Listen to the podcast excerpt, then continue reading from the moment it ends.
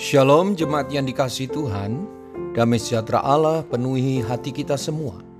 Firman Tuhan hari ini diambil dari Markus 15 ayat 34. Demikian firman Allah.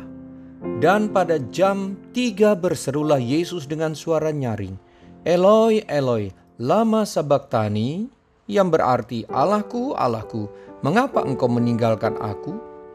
Kata Eloi, Eloi, lama sabachthani berarti Allahku, Allahku, mengapa engkau meninggalkanku?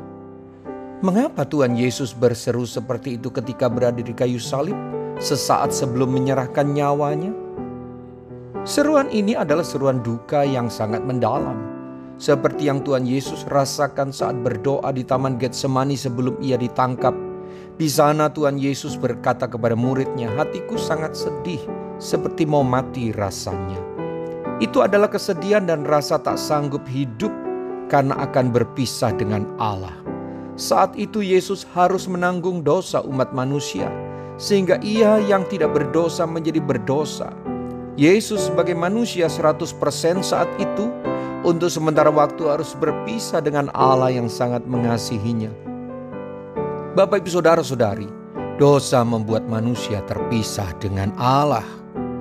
Seharusnya ada duka cita atau kesedihan yang mendalam di hati manusia. Seperti Tuhan, apa yang Tuhan rasakan karena dosa yang dia tanggung. Dia terpisah dari kasih Allah dan sangat berduka serta tak sanggup hidup rasanya. Dan sudah seharusnya kita semua semakin menyadari bahwa dosa juga sangat mendukakan hati Allah. Adakah perasaan duka itu ada dalam hati kita? Saat kita berbuat dosa yang membawa kita kepada pertobatan? Jika sampai hari ini ada di antara kita yang masih hidup dalam dosa, kiranya renungan firman Tuhan hari ini membawa kita kepada pertobatan yang sungguh-sungguh. Mari kita berdoa. Tuhan Yesus, ampunilah setiap orang yang mau mengakui dosanya dan bertobat, berbalik dari jalan hidupnya yang jahat. Firman-Mu mengatakan, yang memisahkan manusia dengan dirimu adalah segala dosanya.